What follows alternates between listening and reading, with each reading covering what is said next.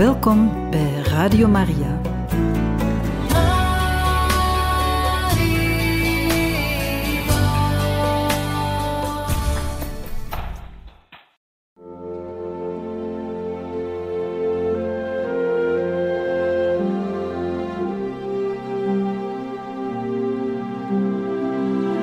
Beste luisteraars van Radio Maria, welkom bij het programma Catechismus.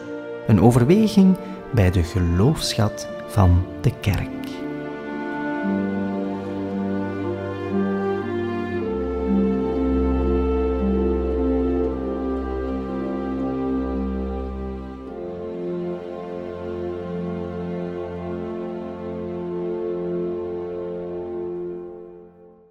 Van harte welkom, beste luisteraars, in het programma Catechismus.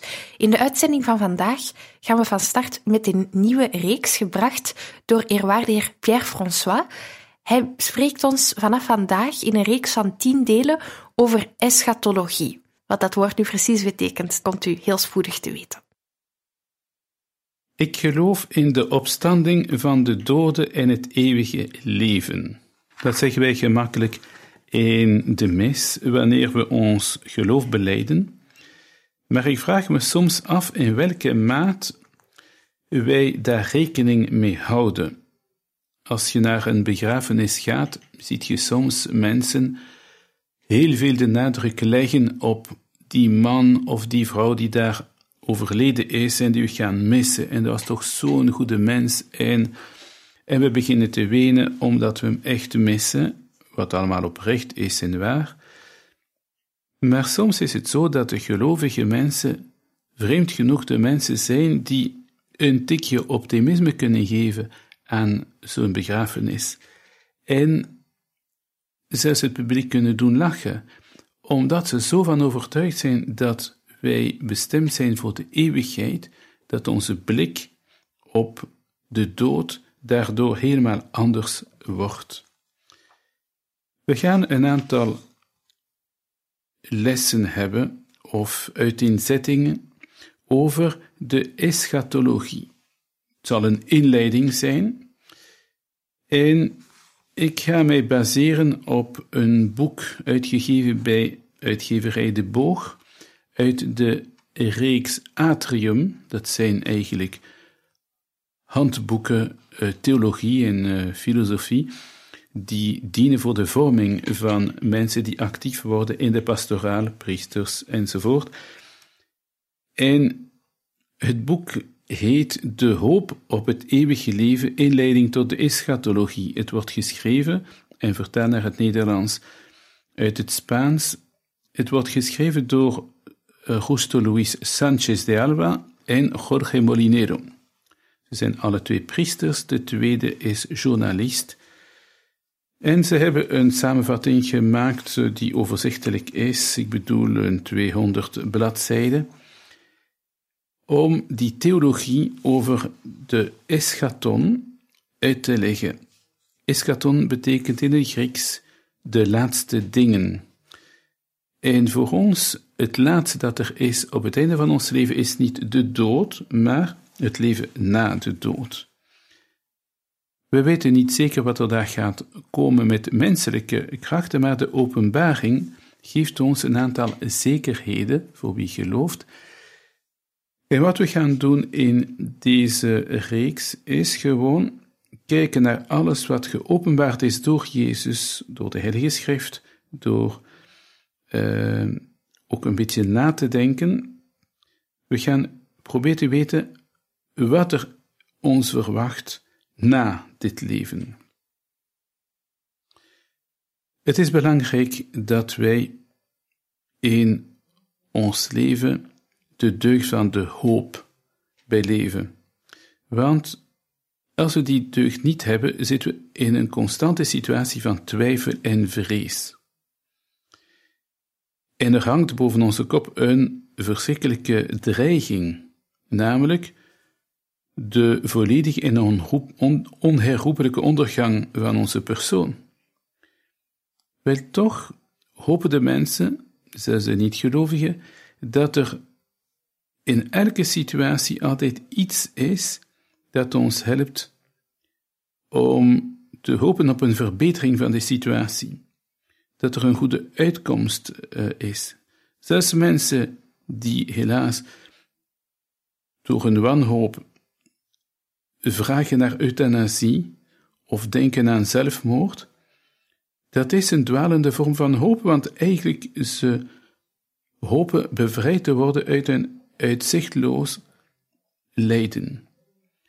Dus de mensen probeert te ontsnappen aan bepaalde uitzichtloze situaties. Uh, Thomas van Aquino, die briljante theoloog van de 13e eeuw, zegt: wanhopen betekent in de hel neerdalen. Eigenlijk de hel is de wanhoop. Geen verbetering meer kunnen verwachten van de situatie waarin wij zitten. Integendeel, de hoopvolle houding houdt een bepaald verlangen en vermoeden in dat het kwaad in al zijn variatie niet het laatste woord zal hebben. En daarin schuilt ook een zekere nostalgie naar het verloren paradijs. Dus de vraag is die nostalgie terecht? Ik zie uh, bij onze medemensen dat er soms een houding is die lijkt te aanvaarden dat de dood de onvermijdelijke vernietiging van elke aardse hoop. En ze zien dat ook wanneer de mensen naast zich lijden of sterven. En ze, ze stellen zich dan de vraag: waarom zijn we op aarde en waartoe? Dat zijn een aantal vragen die onze rust kunnen wegnemen. De vraag die ons stellen is dan: kunnen we die verontrustende vragen met een bepaalde zekerheid beantwoorden? Of moeten we ons tevreden stellen met vermoedens en vertroostingen die louter projecties zijn van onze verlangens? Dat zie je ook duidelijk in een begrafenis, dat een aantal mensen vanuit een overtuiging spreken, dit komt goed, en andere mensen hebben die overtuiging niet, maar ze zeggen, ik zou graag hebben dat het waar was. Maar God weet of dat wel waar is. Alhoewel alleen maar het feit dat ze zeggen God weet, houdt een bepaalde verwijzing naar het geloof. Maar kom, eigenlijk willen we allemaal weten wat er gaat gebeuren na de dood. De heilige Augustinus schrijft: Ik leerde veel mensen kennen die wilden bedriegen, maar niemand die bedrogen wilde worden. De theologische wetenschap van de eschatologie probeert de vragen die ons stellen over de laatste dingen, wat gaat komen na de dood, dus die wetenschap, onderdeel van de theologie, probeert daar antwoorden op te geven die afkomstig zijn uit de openbaring. Die wetenschap wordt opgedeeld in drie eh, delen. De algemene eschatologie, dat spreekt over de glorierijke wederkomst van Jezus Christus op het einde van de wereld en de volheid van het Rijk van God. Dat is de algemene eschatologie, de terugkomst van Christus en het Rijk Gods. Dan hebben we de individuele eschatologie, wat er gebeurt met iedere mens persoonlijk. En dat is dus de dood en onze eeuwige bestemming. En dan is er een derde deel, dat is het voorbestaan tussen de dood van elke persoon en de opstanding op de laatste dag. Wat ik zou noemen de tusseneschatologie.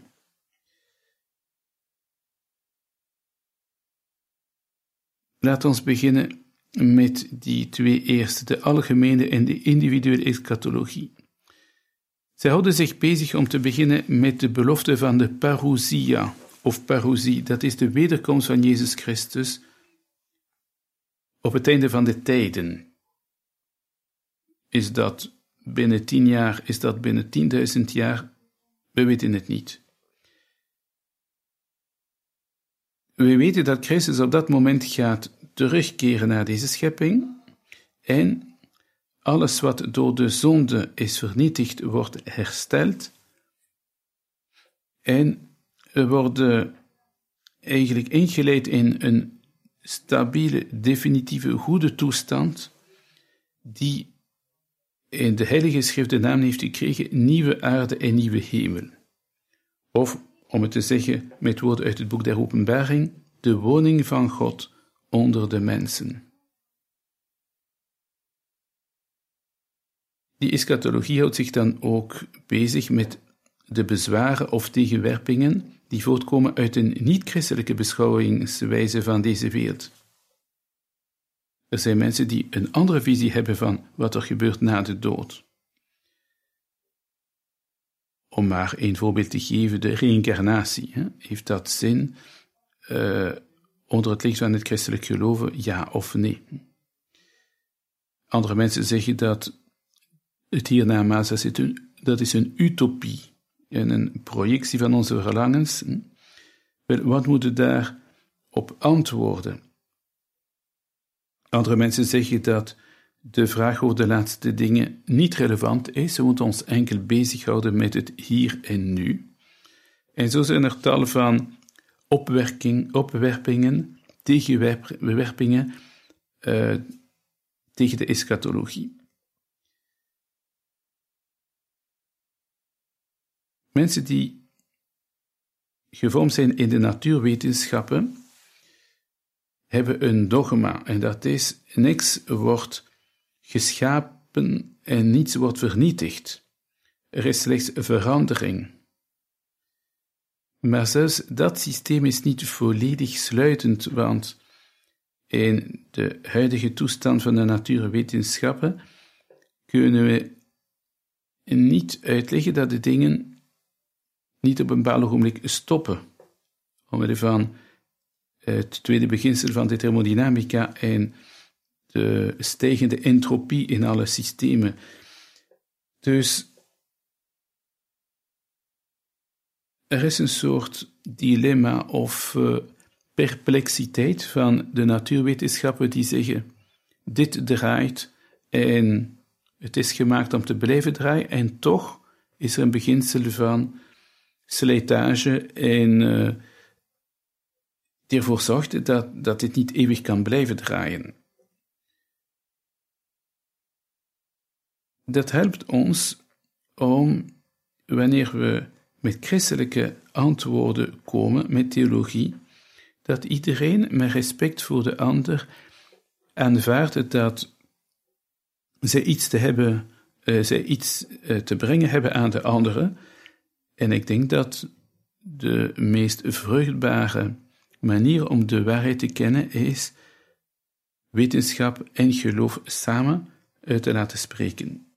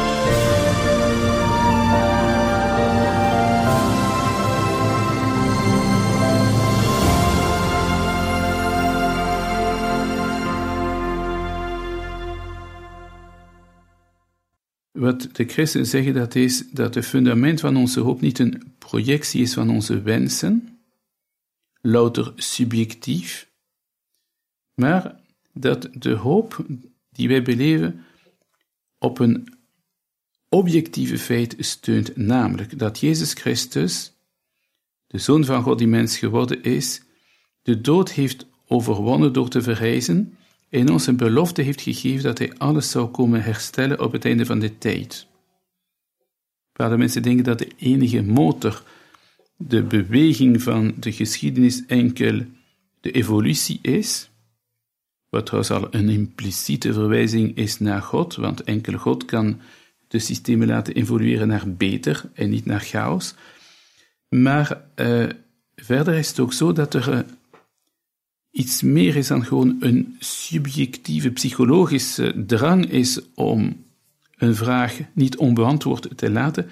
Het gaat over een externe objectieve feit die ons wordt aangereikt door God, de schepper, maar ook de verlosser, God die mens is geworden, en door de Heilige Geest die ons het licht geeft om die dingen te begrijpen en daarin thuis te komen.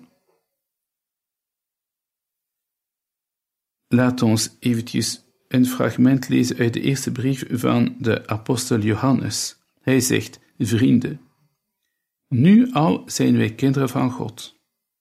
En wat wij zullen zijn is nog niet geopenbaard.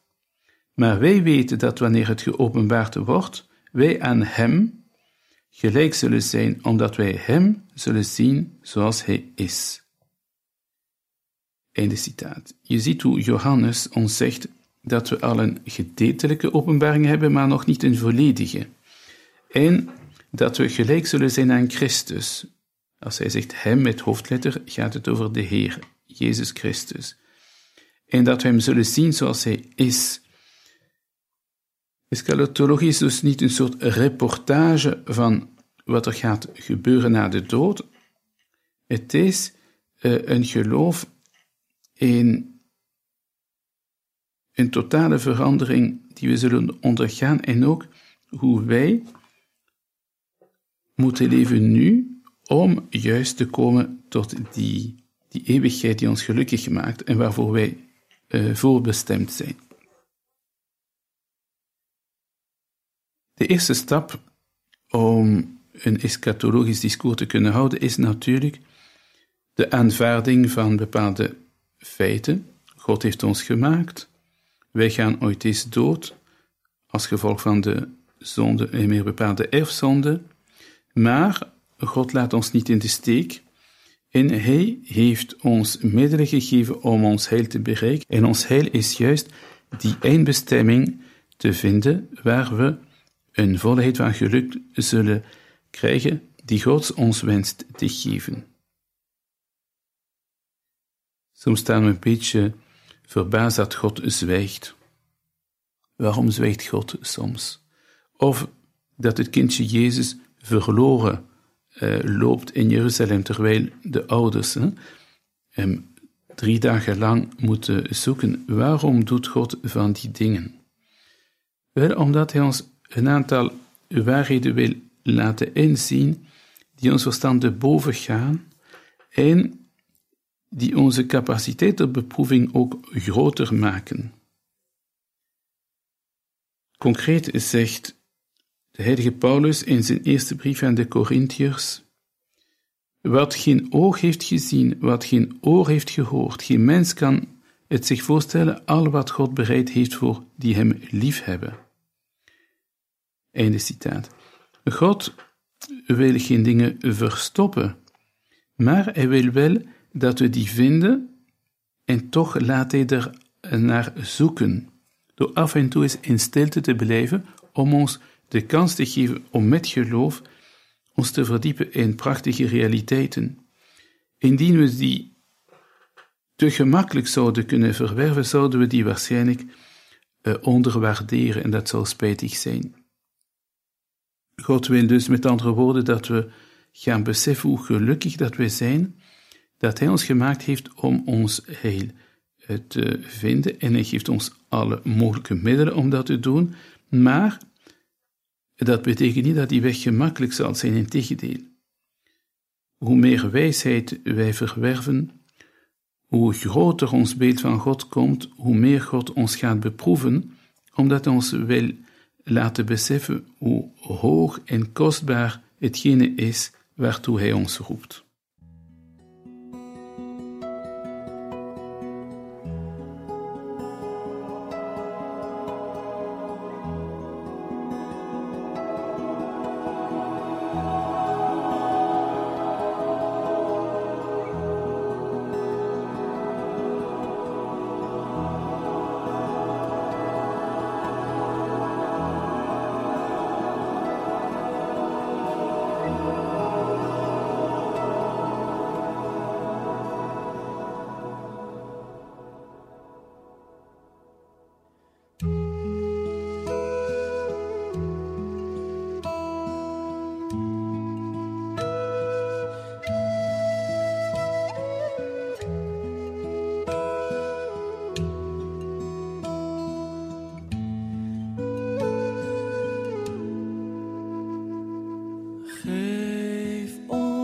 sufre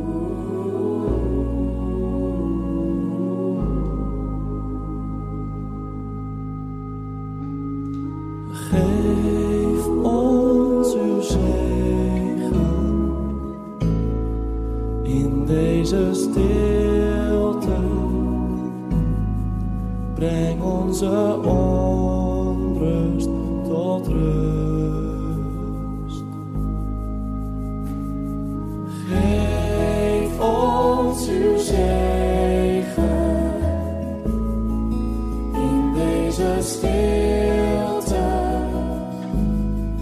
Breng onze